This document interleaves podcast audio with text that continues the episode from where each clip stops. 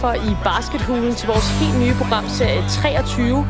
Den sidste dans med Chicago Bulls. I løbet af fem afsnit de næste fem uger, der tager vi den sprit nye tv-serie The Last Dance under kærlig behandling. Vi følger simpelthen serien uge for uge, og så dykker vi ned i de tematikker og de emner, som der bliver belyst undervejs. The Last Dance, det er Netflix og ESPN's store basketballsatsning, der indeholder hidtil uset materiale fra den legendariske 97-98 sæson, hvor Chicago Bulls med Michael Jordan, Dennis Rodman og Scottie Pippen i spidsen skulle forsøge at genvinde det 6. mesterskab på 8 år.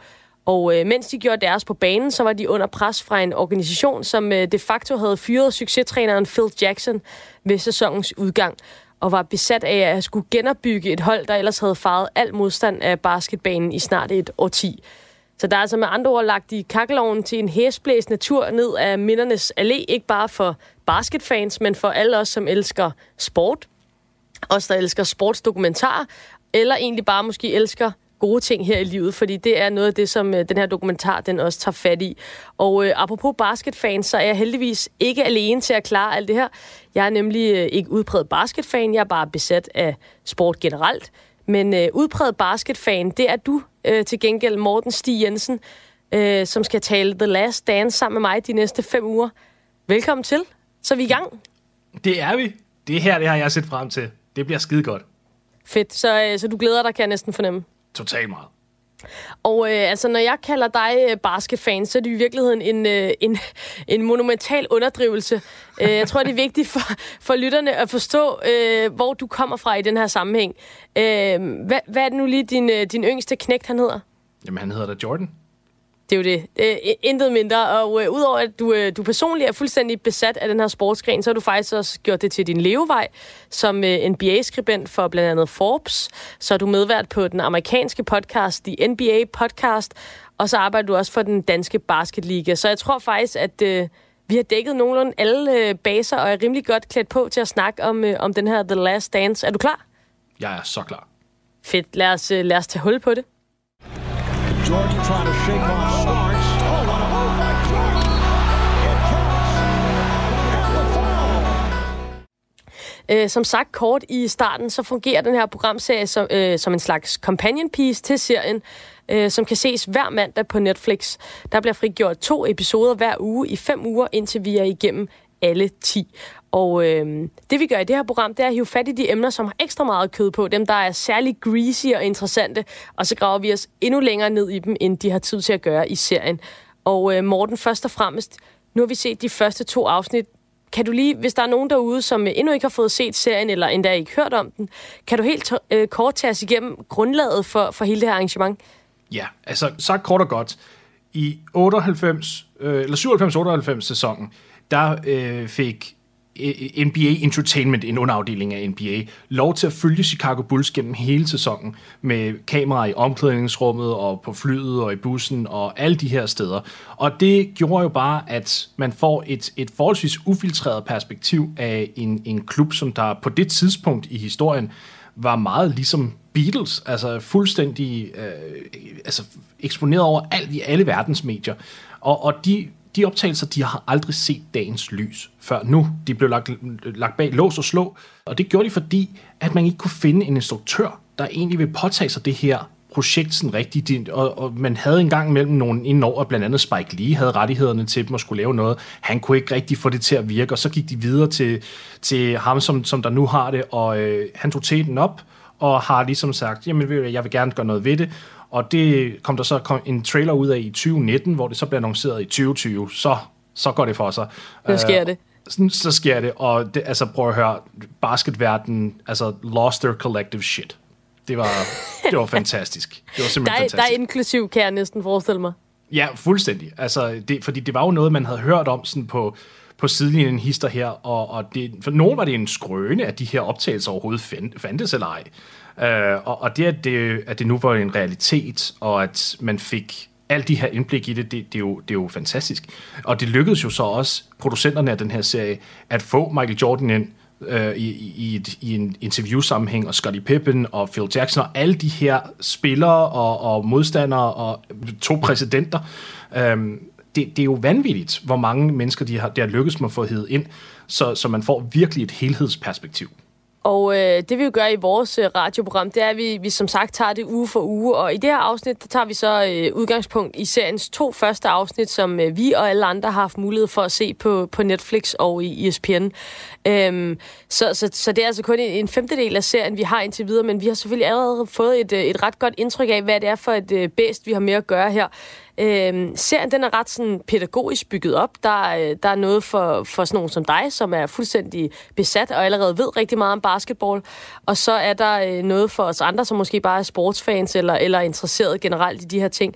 Øh, det første afsnit, det handler meget om, om Michael Jordan selv, Michael Jordan som person, og ved hjælp af, af nogle grafiske tidslinjer, så springer vi lidt frem og tilbage mellem hans tid som helt ung i high school og college, også de her peak-år i 90'erne, hvor han vel var øh, hvis ikke det allerstørste sportsikon, så i hvert fald i, i top 3.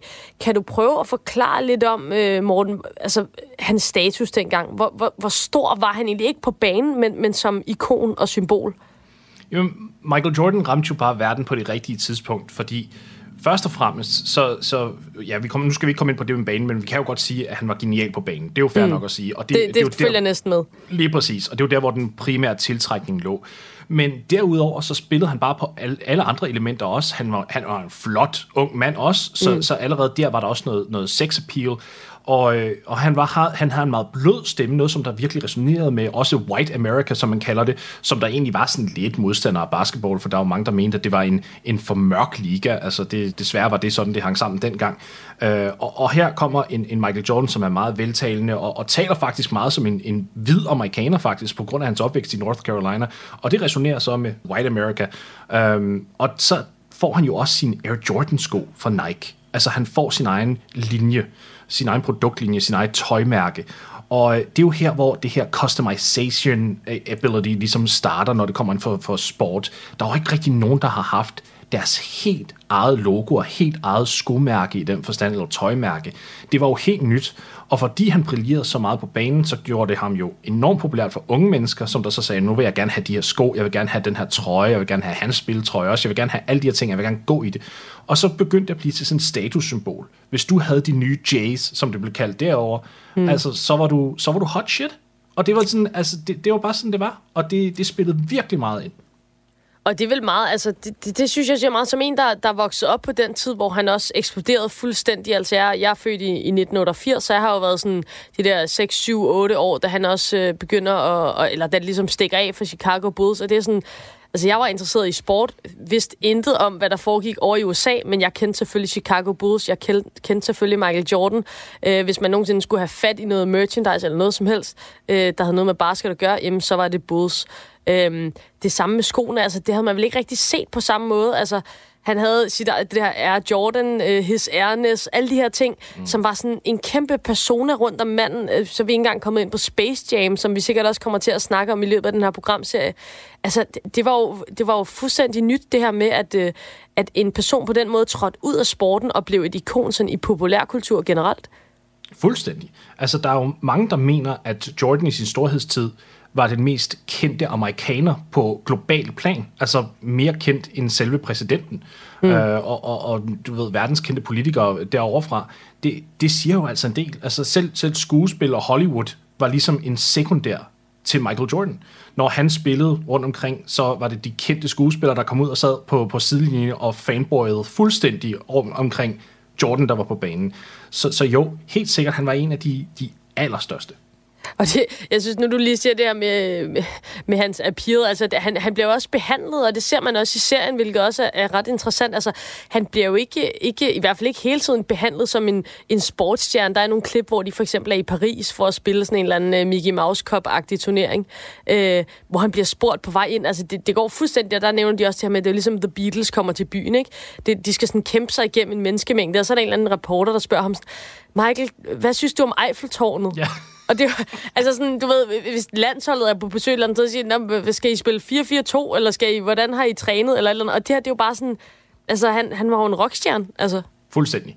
Uh, den, den tur i Paris var jo ekstremt underholdende ligesom at se på som fan, fordi da, da, da Chicago Bulls ankommer til, til Paris, og det er for sådan noget preseason uh, indledningsvis inden 97-98 sæsonen, jamen så uh, skriver medierne, Gud er kommet i, i, og, og ligesom henviser mm. det til Jordan. Altså, Gud er ankommet. Det er ligesom der, vi er. Ikke? Også alle, det var breaking news på, på stort set alle medier. Øhm, og, og det er igen, det er det der fænomen. Det når, at når noget fanger folk på et helt intim plan, og det er noget, som man ligesom kan gå op i, så er det vanvittigt, hvad det kan udvikle sig til.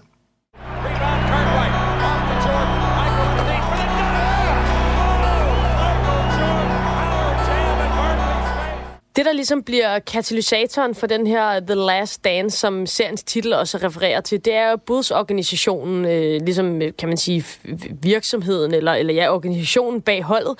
De er meget forhippet på at genopbygge holdet på ny. Ordet rebuild, det går igen rigtig mange gange i de to første afsnit. Men det kan virke meget underligt, Morten, når man har et hold, som øh, nærmest ikke har lavet andet end at vinde i et årti. Øh, hvorfor i alverden var budsorganisationen så besatte af det her rebuild? Det var faktisk mere Jerry Krause, hvilket er en karakter, vi kommer til at snakke rigtig meget om de næste fem uger, mm. øhm, som, som ikke havde det bedste forhold med hverken Michael Jordan, eller Scottie Pippen, eller cheftræneren Phil Jackson, hvilket jo var de tre primære aktiver for selve klubben og klubbens succes. Han ønskede at få den æra væk hurtigst muligt, så han kunne ligesom vise sit værd på den ene eller den anden måde, øh, ved at genopbygge det her hold, og, og faktisk vise, at det var baseret på hans viden, at han kunne få endnu en mesterskabskandidat øh, op at stå, uden de her tre navne. Um, og, og, og det var jo selvfølgelig ikke noget, der blev modtaget særlig positivt af Jordan, Pippen og, og Jackson. Og han, han kommer også lidt ind på det, det, det er de også inde på i serien, hvor han siger det her med organizations wins championships, og ikke, øh, ikke spillere. Øhm, og det, der, der føler han sig så lidt fejlciteret og så videre, men, men det er jo meget sådan, det indtryk, man får af Jerry Krause, at han er en, øh, jeg har også et, et, et klip, vi kan spille her, de siger jo bare, at han var en little fat kid, og han, han ville have lov til at bevise, at han kunne noget. Øh, at det ikke kun var de her superstjerner inde, inde på banen, der kunne noget. Og det er, sådan, det er sådan lidt det indtryk, man får også i tråd med det, du siger her, altså at, øh, at øh, han, han havde ikke øh, ligesom nok i at læne sig tilbage og sige, nu har jeg samlet de her superstjerner, vi får de her mesterskaber. Han skulle ligesom også være the main man på en eller anden måde, virker det som.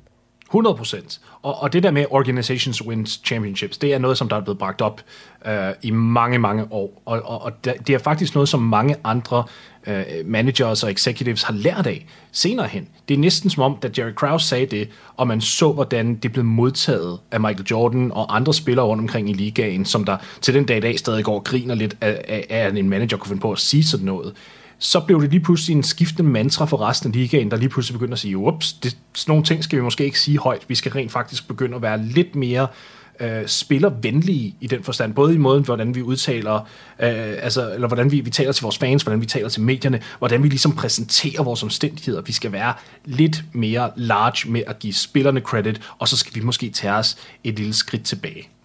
Og det vil også, altså med dit kendskab til amerikansk sport, øh, og, og som jeg også kender det, ikke lige så indgående som dig, men de dyrker jo de her afguder, de dyrker jo de her idoler helt vildt meget, altså så virker det også sådan lidt kontraintuitivt. Jeg tænker også, han er også en del af en organisation, der gerne vil tjene helt vildt mange penge på merchandise. Øh, de vil gerne have, at der kommer en masse mennesker ind på deres øh, arena og ser det her hold spille. Så, så, så virker det, det virker meget underligt, at han begynder sådan at, at nedtone de her ikoner, som de jo har. Altså, det er dem, de skal overleve på. Det er fordi, at så det var ikke sådan, Kraus tænkte over det. Det var ikke, mm. det var ikke hans øh, filosofi. Det handlede ikke om pengene i den forstand. For ham, der handlede det om respekt. Mm. Øhm, det handlede om, at han på en eller anden måde skulle overkomme sine mindre værtskomplekser.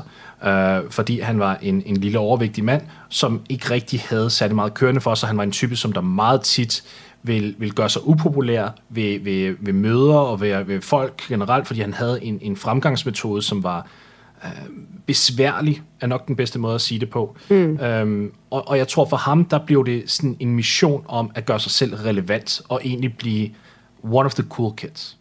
Vi skal næsten lige høre, øh, høre det her klip, hvor man også får øh, fra serien, hvor man får indtryk af, hvad det er for en type Jerry Krause han er, i hvert fald i, i de andres øjne, og hvorfor det kan være, at han har det her behov til sådan ligesom at sætte sig selv i frontlinjen. Jerry had the little man problem. He grew up a little fat kid, not a lot of money, he was always the underdog. Så altså, uh, little man, always a fat kid, uh, he was always the underdog. Altså, det, det, det siger måske i virkeligheden alt om, om det her behov for at, at hæve sig selv på en eller anden måde. Absolut. Og når man så, jeg tror også for ham var det ekstra svært, fordi når man så ser alle de her meget, meget dygtige atleter, som er, forstå mig ret, høje, attraktive, tynde, øh, og, og har al den succes med sig, så tror jeg, at han så en eller anden form for diametral modsætning, og, og det måske faktisk irriterede ham til en vis grad. Fordi at han kiggede på det som om, jeg har, jeg har bygget det her hold. Jeg har samlet de her spillere. Og det synes jeg også, han skal have credit for. Det skal han. Men mm. måden, han, give, altså, han, han gjorde det på, var jo også ved at blive en lille smule heldig, fordi altså, det, det, Scottie Pippen, som vi også kommer ind på, der var ikke nogen, der så, hvor god han ville blive. Uh, ikke, ikke på den måde. Og uh, for, for Kraus, der handlede det bare hele tiden om den her vinkel af, jeg har gjort noget godt, og jeg skal have anerkendelse. Og hvis jeg ikke får det, jamen, så vil jeg bare smide jer alle sammen ud, og, og så bygge mit eget lille klubhus. Men øh, til gengæld, altså, det, det, det er helt klart, at Jerry Krause også her i første afsnit, der bliver han virkelig sådan sat op som, som en pryleknappe på en eller anden måde, eller i hvert fald ja. som, som en modstander til, til Michael Jordan og til resten af holdet. Øhm, jeg vil så sige, man ser også klip af, af hvordan sådan Jordan faktisk mobber ham. Altså øh, virkelig sådan ubehageligt nedgør ham i forhold til hans højde og hans vægt og så videre. Øh, hvilket selvfølgelig er, altså det virker sådan fuldstændig beneath en type, der bare burde være helt ovenpå på alle parametre. Øhm, så, så, så der synes jeg også, at man alligevel som seer kan fatte en lille smule sympati med, med Jerry Krause. Men noget af det, jeg også godt kunne tænke mig at, at, at se ned på og høre om, det er ham her, øh, Jerry Reinsdorf, som egentlig er ejer af, af Chicago Bulls. Altså, han slipper sådan meget let igennem her i første del. Han svæver sådan lidt over vandene og sidder og er sådan lidt, nå, hyggeonkel lidt, og det ene og det andet. Og, sådan. Og, og så lader han uh, Kraus tage alt heat, men altså, det er vel ham, der i virkeligheden... Altså, jeg tænker, Kraus gør vel ikke noget, der går imod Reinsdorfs ønsker? Reinsdorf er den der type, som der skøjter hen over tingene. Og, og for, nu nævnte du jo penge førhen. Det der mm. med, at man skulle have et hold, der ligesom var konkurrencedygtige, og som kunne tjene masser af penge på der via deres opmærksomhed. Og, og det var Reinsdorf rigtig interesseret i. Uh, der var en grund til, at Chicago i mange år, også efter at Jordan var gået på pension og alt det her, blev ved med at føre ligaen i indtægt hver evig eneste år. Uh, fordi det var jo et, en utrolig populær franchise. Det, som der, der sker der, det er, Reinsdorf er en mand, som, som lægger meget, meget vægt på loyalitet. Mm. Og hans loyalitet til Jerry Krause, den har altid været fuldstændig altså, sublim. Og, og det har den egentlig også været med senere executives. Når han først ligesom øh, hyrer en, som han siger, jamen du skal styre det her hold, så fyrer han dem ikke. De skal nærmest selv sige stop. Og, og derfor så går han ind og så siger, jamen jeg har fuld tiltro til alt, hvad du gør. Og så er det principielt set ligegyldigt, om den person så går ind og fuldstændig ødelægger klubben, han bliver ved med den person, fordi at hans brand, det er loyalitet, og vil kommer fra, fra forretningsverdenen. Og så, altså, i, i, en anden, øh, en anden øh, figur, kan man sige, som, som vi, vi berører en lille smule her i de første to afsnit, og nu ved vi jo ikke, om, om vi kommer ind på ham mere senere, men måske kan du lige fortælle en lille smule, altså, øh, jeg ved, du ved en masse om, om ham her, Phil Jackson, som var træner, altså sådan, sådan lidt en, ja, han virker sådan meget tilbagelænet, øh, all, all-round good guy-agtig type, øh, han vinder så meget med det her hold. Hvor, hvor, hvorfor holder man ikke fast i sådan en som ham?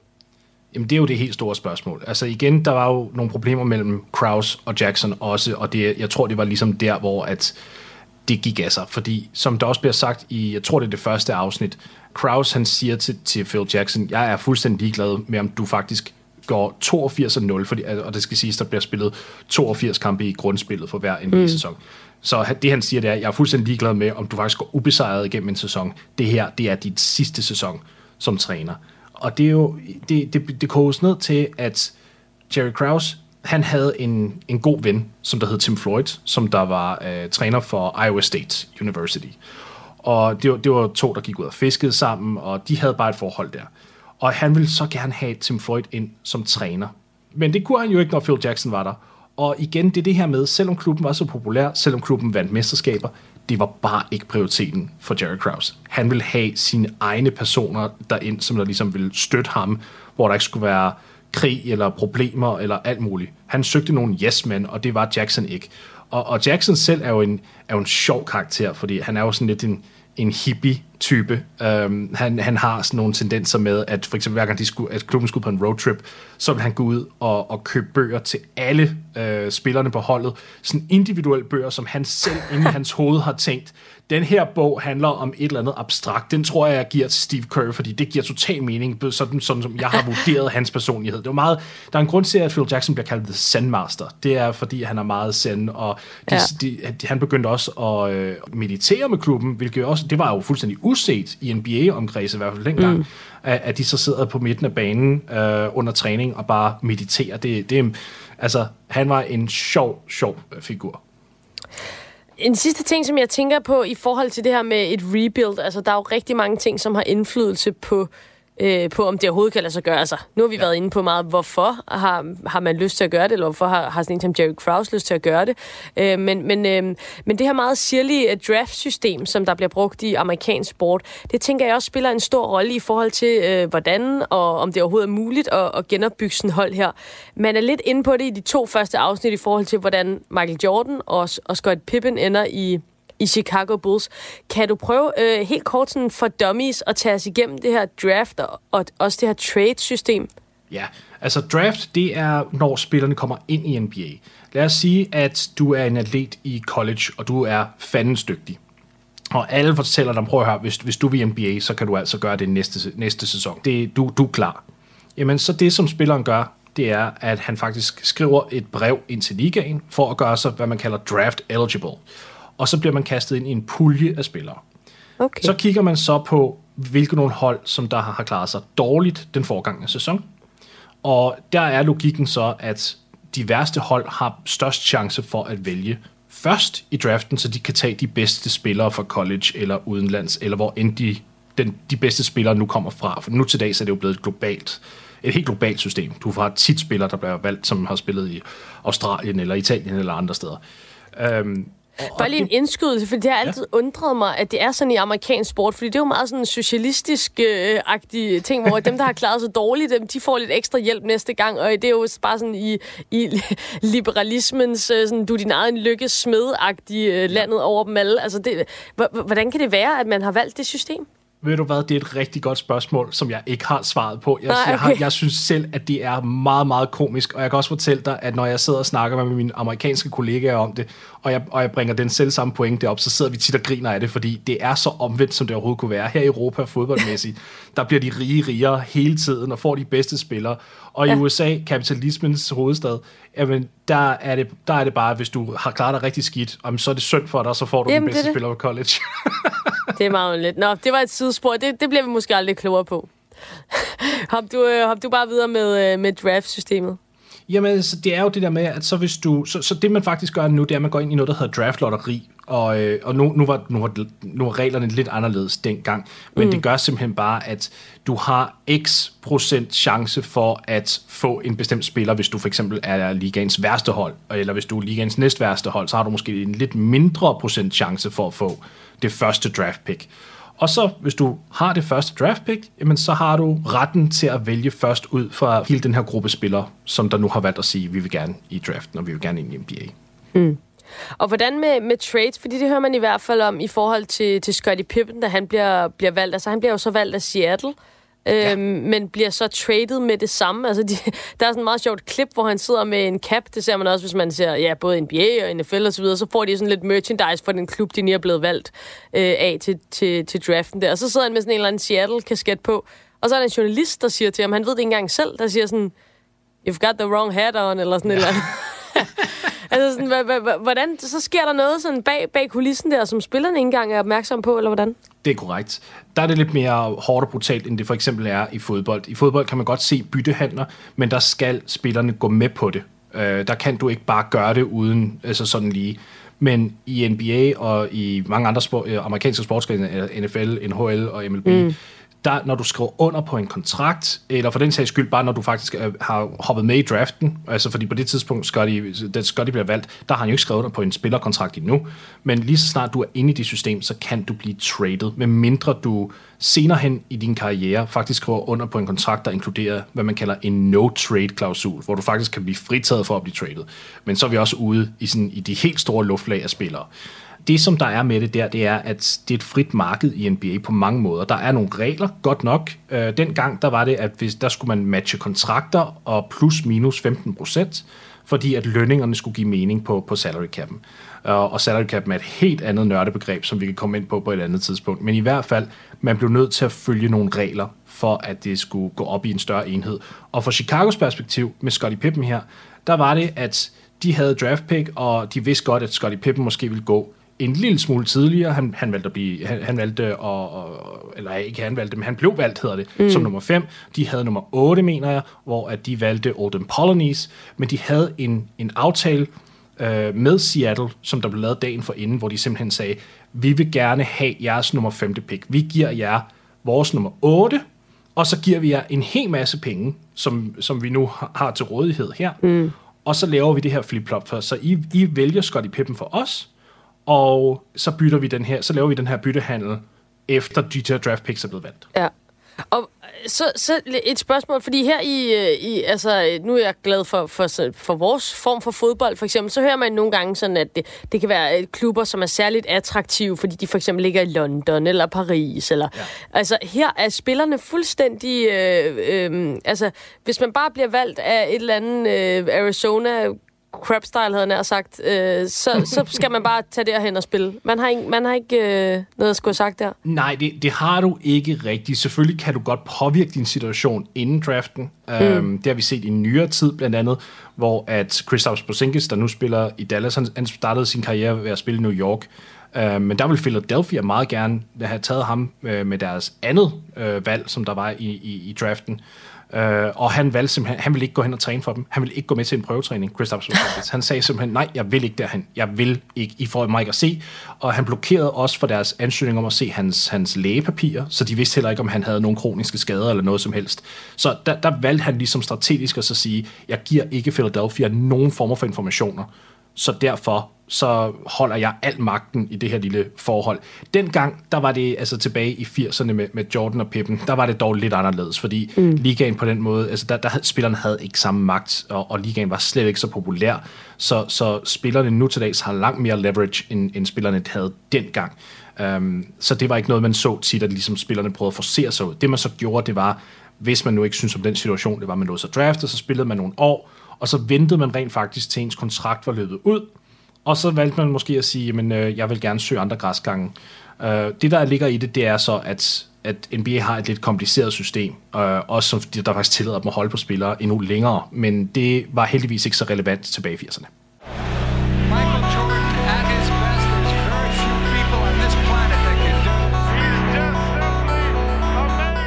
De første to afsnit af The Last Dance, de fungerer som sagt meget som, øh, som en indkøring i grundlaget for den her serie. Derfor så er der måske ikke så meget nyt kød øh, til de folk, der allerede er store basketfans i seriens to første afsnit. Men det er jo derfor, at vi har dig, Morten, til at give os øh, de ekstra lunser. Og jeg tror, altså, man skal have levet under en sten de sidste 30 år, hvis man ikke ved, at Michael, Jack øh, Michael Jackson, uha, øh, Michael Jordan er et, øh, et ikon. Og ikke bare inden for sportens verden, men som vi også snakkede om inden for populærkultur generelt. Altså, hvis man ikke er basketfan, så kender man ham fra de legendariske sneakers, eller fra Space Jam, eller fra det fantastiske Crying Jordan-meme, hvis man ellers har brugt internettet for nylig. Men The Last Dance, i hvert fald i de to første afsnit, de handler rigtig meget om basketballsporten og om, øh, om Michael Jordan som spiller. Kan du prøve at fit, øh, sætte, nogle, sætte nogle ord på, hvad er det, der gør Michael Jordan til den bedste basketballspiller nogensinde? Åh, oh, jamen det er jo, der er jo flere elementer i det. En ting er, at han har så fantastisk fodarbejde og, og fundament, så fundamenter i sit spil. Det der med, at han gør alt rigtigt. Måden han afleverer på, måden han løber på, måden han, han altså accelererer på endda. Altså han har fået alle de her fundament, fundamenter ned til, til, til perfektion i en meget tidlig alder. Altså vi snakker 21 år gammel. Og derudover så var han jo øh, abnormt øh, atletisk. Altså det, det var jo næsten øh, det var næsten urealistisk, hvor højt han kunne hoppe. Det er aldrig blevet målt i officielt regi, øh, men der går rygter om, at han har, hvad man kalder et 46-inch vertical, som jeg ikke rigtig kan huske, hvad er i, i danske centimeter. Men det, jeg kan sige, det er gennemsnits, øh, gennemsnitsspringkraften, om så at sige, i NBA ligger på omkring de 35, 34-35, og han skulle han, han er altså 46 og han er så altså 46. øhm, hvis, hvis man skal tro på rygterne. Ja. Men altså, når man kigger på, hvad han, hvad, hvad han gjorde i kampe, og hvordan han knaldede hovedet ind i, i selve basketkurven, også når han kom så højt op, så, så har man jo nok lidt uh, tendens til at tro på det. Men det var også hans intelligensniveau. Han var klog. Han vidste, hvordan man skulle angribe forsvar, og han vidste, hvordan man skulle stoppe angreb, når han selv var på forsvar. Det var den her evne til at kunne se spillet udvikle sig og reagere på det på korrekt manier, Uh, øh, hvor nogle spillere i dag, de vælger at gamble, så siger de, okay, jeg ser bolden måske på venstre side af banen, så tror jeg, dem der svunget den anden vej, altså, så, og så, så angriber jeg, mens de er i gang med at aflevere til hinanden, fordi så kan jeg gribe dem midt i luften. Nogle gange virker det, nogle gange virker det ikke. Jordan var lidt mere sådan, han var lidt mere klog, han var lidt mere reserveret i den forstand, han gamblede ikke. Han valgte at, at kigge på, hvordan der spillestil var, og så fandt han ligesom ud af, hvor der lå nogle huller hen, og hvor de havde nogle svagheder. Så for eksempel, hvis bolden røg hen til en bestemt spiller, som, der var, som, som han skulle dække op, så vidste han, okay, ham her, han, kan, han dribler måske ikke særlig godt. Så jeg, jeg vælger faktisk at gå tæt på ham, og så har jeg med min lange arme og min atletiske fordel mm. en mulighed for at tage den her bold fra ham, og han er langsom, han når, han når ikke at gribe mig på nogen måde, fordi lige så snart han indser bolden er væk, zoom, så er jeg nede på den anden ende, og så er jeg i gang med at dunke. Uh, så det var intelligensniveauet, det var kroppen, det var fundamenterne, det, det var en, en kombination af det hele. Der var, man har aldrig set den pakke før. Og øh, øh, den pakke, øh, som, som er super interessant, altså det er jo det her, som du også er inde på, det rå talent selvfølgelig, men det, det som man også bider meget mærke i, i, i de første to afsnit af The Last Dance her, det er den der ekstreme ergærighed og, og sådan træningsmani, han egentlig har, også en, en vindermani. Øhm, og det, det er vel i virkeligheden den kombination, der også sådan får det hele til at, til at kulminere. Den kommer en lille smule senere, i hvert fald. Altså, han er manisk, der er ingen tvivl der.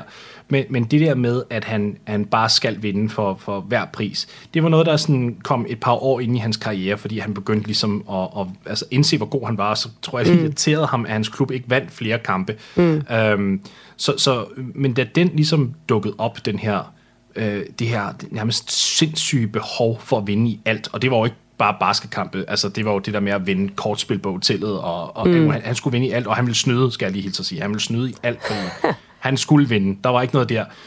Um, det var noget, der ligesom bare satte prikken over id for ham, fordi arbejdsmoralen, den har altid været der. Og det så vi også i, i dokumentaren, der med, at på et tidspunkt, så får han at vide af sin far, at han bliver ikke rigtig til noget. Og det kan lyde meget hårdt, men det han mente med, det var fordi, at faren selv, James, han, han var tit ude at arbejde på, i, i sit værksted og kunne finde ud af, af altså værktøj og sådan nogle ting. Og så Michael, det kunne han simpelthen ikke. Det var ikke, det lå ikke i hans uh, øh, DNA egentlig at være mekaniker eller noget som helst. handyman. Handyman på nogen måder.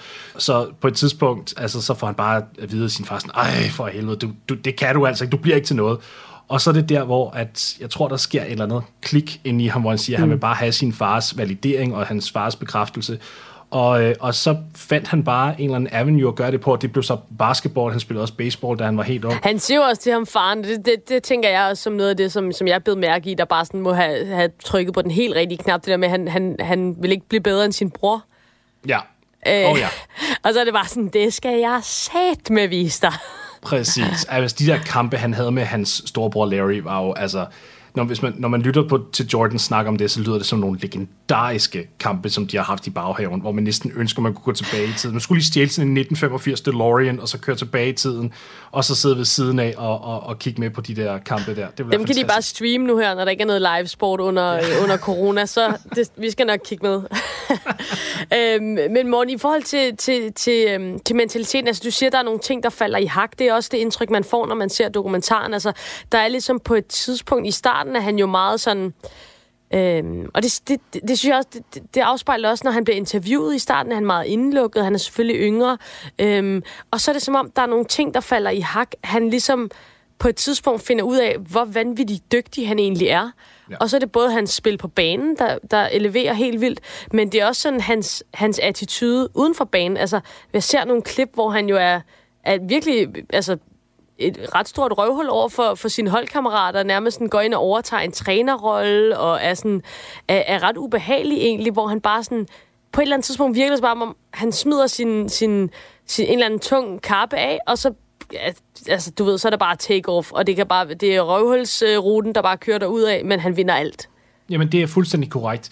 Det, der sker, det er, at han bliver irriteret over folk, der ikke knokler hårdt. Han kunne godt acceptere, hvis man ikke havde synderligt meget talent, fordi hvis man bare knoklede røven ud af bukserne ved hver træning og ved hver kamp, og faktisk optimerede den rolle, man nu har, så havde, så havde du hans respekt. Mm. Det var fint nok. Men hvis der var nogen, der ligesom kom til træning og begyndte at, at grine og joke, og ikke rigtig sådan gå i gang, og bare sådan brugte træning til ligesom at stå og hænge ud, jamen så vil han, så vil han gøre på dig. Øhm, og, og nu ved jeg ikke, om det her dukker, altså, den her historie dukker op i, på et eller andet tidspunkt i, i serien senere hen, men Chicago havde på et tidspunkt en spiller, der hed Stacy King, en, en stor, fed fyr, øh, høj fyr, der spillede sådan en tæt på kurven, men han var ikke særlig dygtig til at gøre de ting, man skulle gøre tæt på kurven. Og han var heller ikke særlig dygtig til at gøre ting, man skulle gøre væk fra kurven. Han, han, var, han, manglede, han manglede en del ting. Og Fedt, han har fået kunne... tiltusket sig en plads på holdet alligevel. Ja, ja, jeg også, han blev, og han blev endda draftet ret højt, så det, jeg, tror, det, jeg tror, det var noget, der lå sådan, jeg tror, det var, en, det var, en, det var der, hvor Jerry Krause nok lige lavede en fejl i draften. Kudos um, alligevel til Stacey King, altså. Ja, ja, for pokker. Men han kunne ikke rigtig skyde. Og det så sker på et tidspunkt, så kommer han ind til træning, Stacey King, og han har en, han har en kasse i, i, i hænderne med et eller andet.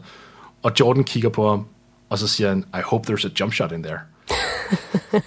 det er sådan, altså det, det er den måde, han, han var, og det var ikke, det var det der med, at han, han ville være på folk, for ligesom at sige, du skal yde dit bedste, men der er ingen tvivl om, at, altså for at sige det lige ud, prøv at, jeg er den største Jordan-fan, der findes, men han er et røvhul, han var absolut røvhul der, og han, han måden, han gjorde tingene på, det, det var, altså, det, det var virkelig, virkelig hårdt. Det, som, som i hvert fald for mig er det mest interessante med ham, det er det der med, når han ligesom tog den der røvhulshat på, men samtidig vandt. Altså, udligner det hinanden eller ej? Og det ved jeg ikke engang selv. Nej, det, det, jeg synes, det, det, det er en svær øh, kombination på en eller anden måde, fordi på den ene side, så, skal man, så kunne man mene, at, at den der overlegenhed, den burde give sådan et, et ekstra løft, og så kan man ligesom være den der Roger Federer helgen-type, der sådan bare ja. Glider over vandene, og bare sådan, du ved, er sådan en Jesus-figur-agtig type. Samtidig, altså, så, der er i hvert fald noget inde, inde i mig, der sådan, ja, det appellerer til mig, det der med bare sådan, han er bare, altså han er den bedste, så han kan gøre, hvad fanden, der passer ham. Altså, og, og, og han er den eneste, der kan tillade sig at stille de her vanvittige krav til alle de andre, fordi han kan gøre alt det, som han beder dem om at kunne gøre. Øh, også uden for hans egen rolle på banen. Øh, og derfor så, det, det, det er bare sådan, det skulle også på en eller anden måde en, en, en fed attitude at have, og bare sådan fuldstændig kompromilløs. Og jeg tænker jo også, det er jo det sådan, altså kompromilløs, det er jo nok et nøgleord i virkeligheden i forhold til, til hans karriere generelt, altså at han, han bare var for vild på alle punkter øh, på, på en basketbane, og også sådan, i hans opførsel kompromilløs. Fuldstændig. Og, og, og jeg tror også, det er det, som der gør ham så appellerende, fordi selv da han starter i, altså i de unge år, og der, der fanger han ligesom folk via bare hans talent og hans atletiske formåen og alt det her.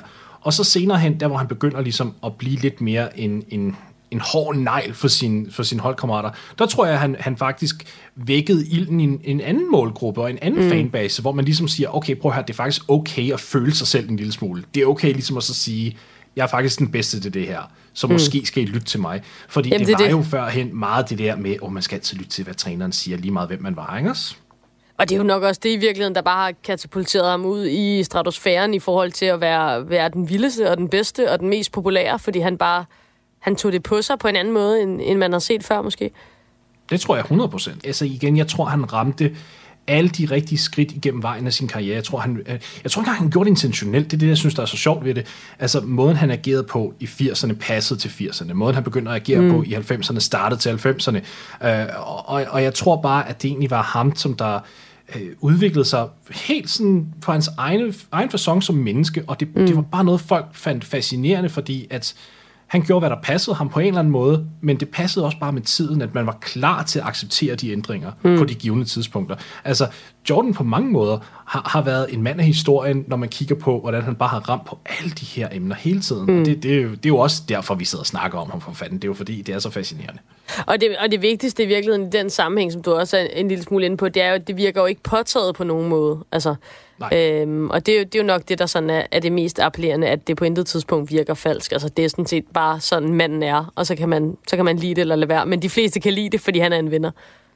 Og så plus, hvad har han at tabe, kan man sige. Ikke? Også det, det, mm. det, det, det store spørgsmål med mig, det er selv, hvis han ligesom skulle prøve at spille den politisk.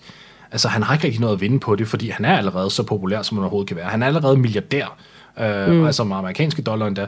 Så, så det er sådan, der mangler ikke rigtig noget. Han har respekten for af, af millioner af mennesker. Han har flere penge end Gud. Øh, altså, det, han er hvad, Gud, hvad siger, siger Larry Bird selv. Ja, jamen altså, på pokker, det, det, efter den kamp i 86, så, så kan jeg ikke rigtig bebrejde ham for at sige det.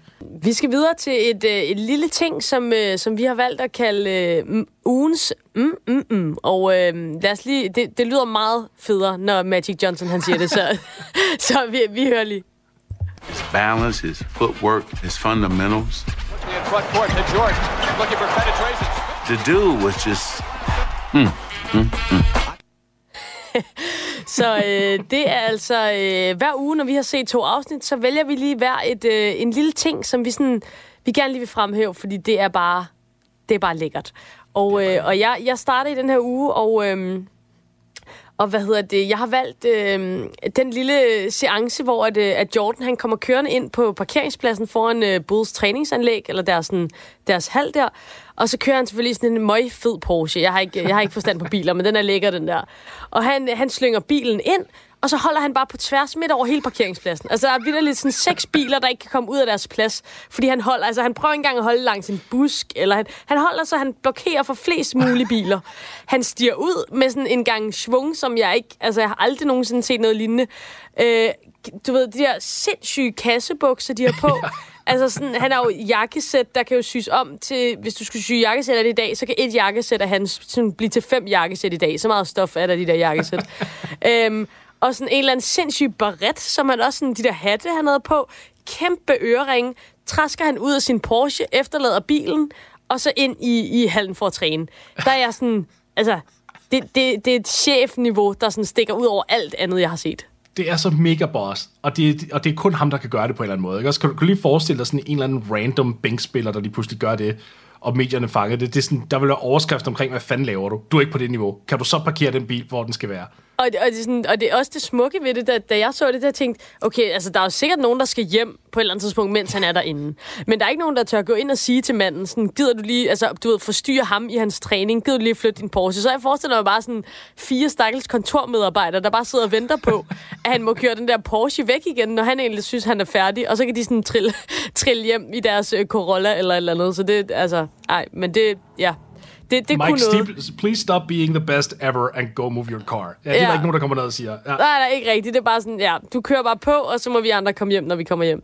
Øhm, hvad har du valgt, øh, Morten? Jamen, du, du nævnte jo en lille smule af det før, fordi at i, i 86, øh, der, der Jordan han får en, en brækket fod der i den sæson, 85-86 mm. sæsonen. Og han misser 64 kampe i, i grundspillet, og der er rigtig meget drama efterfølgende, fordi at øh, han, vil gerne spille. Han føler, at hans fod ligesom er klar til at, og, og, og, og, og få ham for at, til at vende tilbage på banen, og ledelsen vil helst ikke have det, fordi hvis nu han bliver skadet igen, så kan det være virkelig, virkelig hårdt. Det kunne der ødelægge noget af karrieren for ham, og øh, derfor må han simpelthen se sig tilfreds med et kompromis, som der hedder, at han spiller syv minutter per halvleg gennem øh, en, rigtig mange kampe i løbet af sæsonen, efter han er mm. tilbage.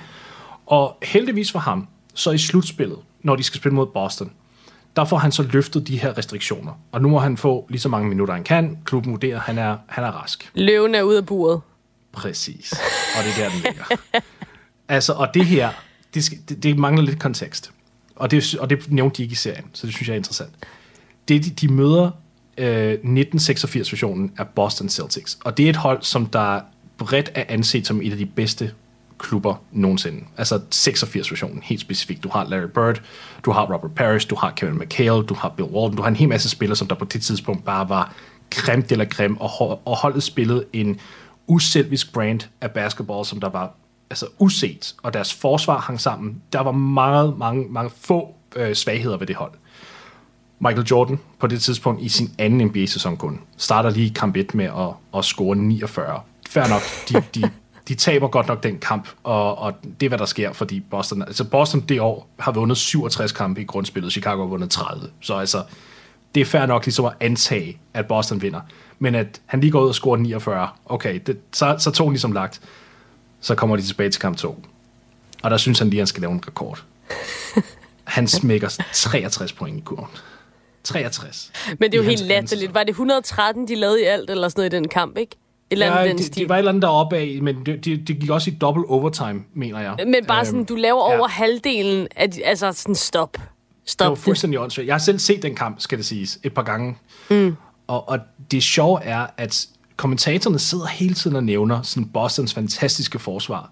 Fordi det var åbenbart det tema, som NBC har skulle køre med på det tidspunkt. Altså det, nogle gange, når man sidder øh, og, og skal forberede sig til en kamp, så, så sidder tv-folkene og siger, okay, hvilket tema skal vi virkelig hammer pointen hjem på her i aften?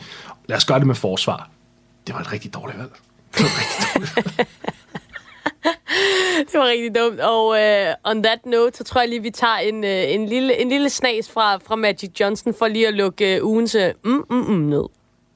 Hmm. Mm, mm. Den var der. Øh, Morten, vi, øh, vi skal videre i øh, programmet. Han har sagt, tiden flyver, men, øh, men øh, en af de figurer, som jo også fylder rigtig meget i de to første afsnit af, af The Last Dance her, det er, det er især i afsnit 2, som øh, sjovt nok handler primært om Chicago Bulls nummer 2, Scottie Pippen. Det, man først og fremmest tænker om den mand her, det er, han er undervurderet. Med fed og to streger under og udråbstegn bagefter. Altså en mand, der ligger nummer to på utallige statistikker for ligaen. Jordan sidder selv og siger, det er hans, hans tandem, det er hans bedste holdkammerat nogensinde. Han løfter Jordan helt vildt, og Jordan kunne aldrig være så god, som han var, hvis det ikke var for, for Pippen. Alligevel ligger Pippen, og hold nu fast, alle jer, der ikke har, har set serien, nummer 122 på lønningslisten i NBA. Altså, det er jo helt absurd. Hvorfor er det, at, øh, at Pippen ikke fik den anerkendelse, han fortjente på det tidspunkt? Du tænker økonomisk? Ja, selvfølgelig. Altså, det er jo, det, jeg tror, alle kunne se, alle der fulgte med, de kunne se, at han var, han var vanvittigt vigtig for, for Jordan. Men, men altså, og, og de fortæller selvfølgelig noget om de i serien, men, men altså, hvordan kan det ske det her alligevel? Jamen det, det, der sker her, det er jo faktisk, at Scottie hans agent laver en bummert, for at sige mm. det lige ud. I, I 1991, der skriver han under på en kontraktforlængelse, som der hedder 7 år til 18 millioner dollar. Totalt. Ikke per sæson, totalt set 7 år. Og han bliver fortalt af, af Jerry Reinsdorf, Chicago Bulls-ejeren, at den, det her er nok ikke en god idé for dig. Jeg vil nok anbefale, at du tager en kortere kontrakt. Og grunden til, at det sker, det er, fordi man ved, at ligaen er i, i seriøs udvikling. Altså, den, den boomer økonomisk. Og det er mm. igen takket være faktisk Michael Jordan og Chicago Bulls. ja, det, det, det, det er hans egen skyld. Det er faktisk, ja, det er hans egen skyld, at ligaen er ved at tjene rigtig mange penge, og det er jo super fedt. Men, men Pippen siger på, på det tidspunkt, at jeg har brug for noget finansiel sikkerhed fremadrettet. Jeg har brug for at, at tage vare på min familie, jeg har brug for at sørge for, at de er sikre og alt det her. Og så valgte han simpelthen at sige, at jeg skal under på syv år. Det, der så sker, det er, netop det, som jeg sagde, ligaen boomer økonomisk. Der begynder de pludselig at være mange flere penge til rådighed. Rigtig mange. Og Pippen er jo låst fast i den her kontrakt. Og det vil så sige, når vi så går ind i den her 97-98 sæson, som dokumentaren nu er om, mm. jamen det er der, hvor Pippen han rangerer nummer 122, og han er utilfreds.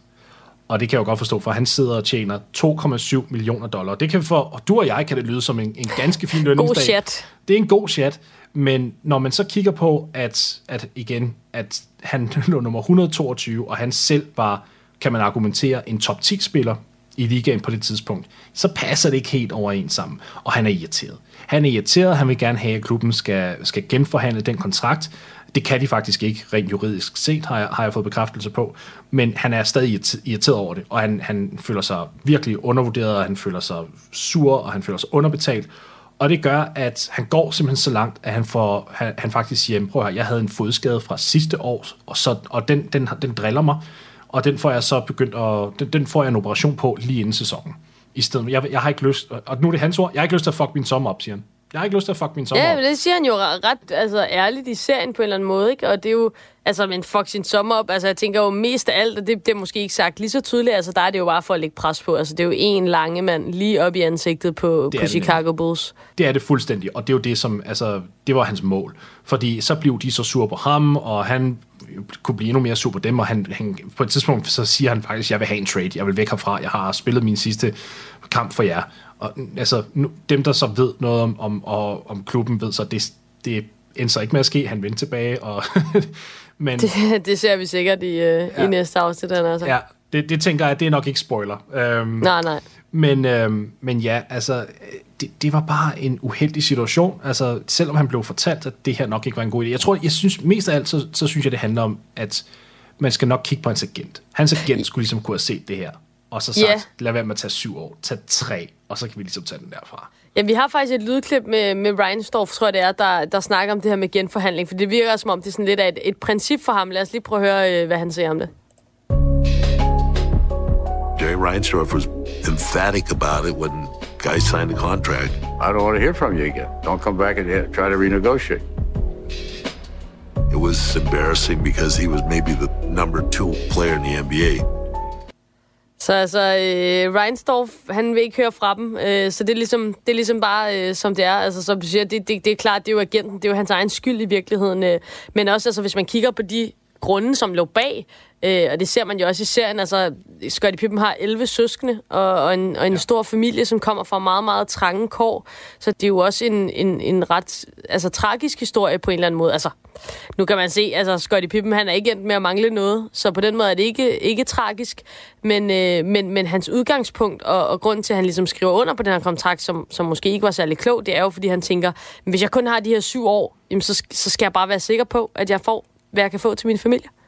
Jeg er enig, men jeg tror også mere, det handler om skader, potentielle skader, fordi mm. lad os nu sige, at han så havde skrevet under på en kortere kontrakt på tre år, og så kunne have forlænget efterfølgende.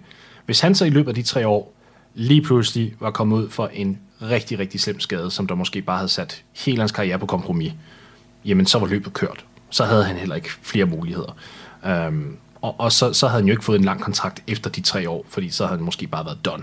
Og det kan jeg også godt forstå. Det er jo noget, som, det er et emne, der stadig er relevant nu til dags, bare med meget, meget højere beløb. Så det er noget, som, som virkelig er, er, er relevant at tænke over. Også for ham jo, det er klart, men han sidder i en, i en situation, hvor han bare ikke kan vinde 100%. Han vil gerne have alle de penge, men, men det, på det tidspunkt, hvor han var kontraktløs, det passede bare ikke lige sammen med, at, at, det, at det var efter boomet. Det var lige før boomet, og der, der var desværre ikke noget at gøre.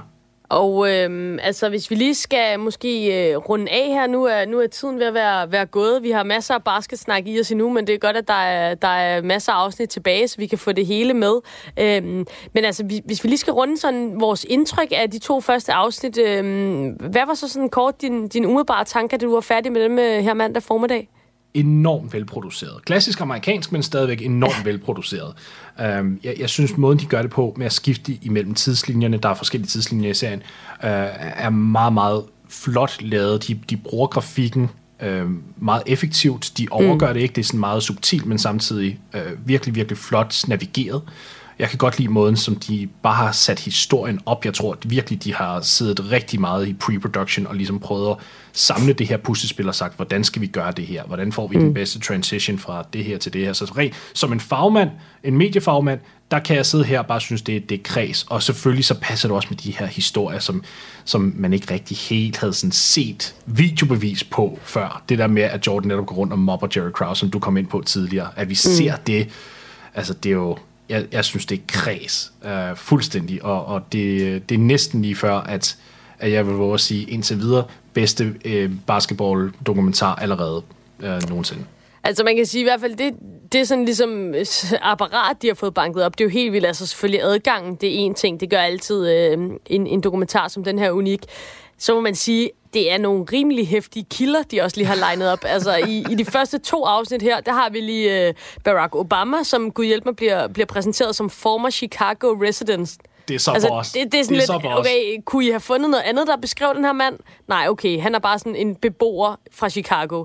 Fint nok. Det er Det, øh, ja, det, det, det, det, det, er så legendarisk. Chicago.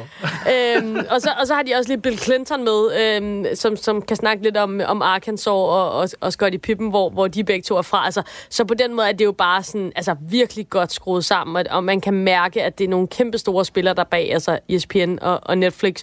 Og så er det også bare, som du også siger, amerikansk. Ikke? Altså, der, jeg tog tid, der gik under fem minutter, så fik jeg ud for første gang. Ja. Bare sådan af patos, af musik, af alle yes. de her ting. Øhm, og, og, og det skete jo øh, adskillige gange i løbet af, af de her to afsnit, og så, så synes jeg jo også bare, at det er en fed indføring i tiden. Altså, som vi også var inde på, det er noget sindssygt lækkert tøj, de render rundt i. Det er nogle øh, fantastiske jakkesæt, fantastiske hatte, smykker, og så er der bare en masse, masse lækker jazzet hiphop fra, øh, fra 90'erne og fra, fra tiden deromkring. Så på den måde er det jo bare altså, fuldstændig øh, klasseserie indtil nu. Og, og, så, og så kan man sige, okay, måske er det en lidt glitret overflade, og så kan vi jo godt håbe på, øh, hvis man skal være en lille smule kritisk, at, at den krasser i den overflade, når vi kommer længere ind i stoffet, synes jeg. Det tror jeg også helt sikkert. Altså, vi, jo, vi har jo slet ikke set noget til Dennis Rodman endnu, og der, det, der, der tror jeg, det bliver helt åbnet. Fordi mm. han er jo en, en karakter om noget. Det må man sige. Og øh, det her, det var altså første afsnit af 23 den sidste dans med Chicago Bulls. Vi har taget episode 1 og 2 af serien The Last Dance under kærlig behandling. Jeg håber, at øh, I derude har været i godt selskab. Hvis I har noget at byde ind med i forhold til serien, hvis I selv har set den og gerne vil diskutere basketball, men også bare serien generelt med, med Morten og jeg, så hiv fat i os på, på for eksempel Twitter, hvis I er derinde. Øh, Morten, det har været fedt at få øh, sparket vores øh, lille basket arrangement i gang her øh, og fortalt en masse Michael Jordan og Chicago Bulls med dig. Hvad håber du, vi kommer til at se i de næste to afsnit på mandag? Jamen mere af det samme, og så lidt mere alsidighed, netop som jeg nævnte før, altså Rodman, og lidt mere om rollespillerne. Og så tror jeg også, fordi nu, nu handler det jo om 97-98 sæsonen, så jeg glæder mig til ligesom at se, hvordan sæsonen glider fremad, samtidig mm. med, at de kører de her, alle de her forskellige tidslinjer. Det, det, det er simpelthen så sjovt sat op, at jeg, jeg glæder mig til at se det hele. Altså, jeg håber bare på, at vi, vi kommer til at have et afsnit mindst, hvor vi virkelig går i dybden med, med Jordans mobberi og bølleri. Fordi det er altså den der vinkel, jeg synes er, er meget, meget spændende at se på. Ja, vi må, vi må få udfordret øh, den helt store helgen også en, øh, en lille smule. Vi udkommer med fem afsnit af 23, den sidste dans med Chicago Bulls over de næste fem uger. Så vi taler altså om to afsnit per uge. Du kan lytte til programmet her på din podcast-app eller i radioen på Radio 4 de næste lørdage kl. 16 til 17. Vi lyttes ved.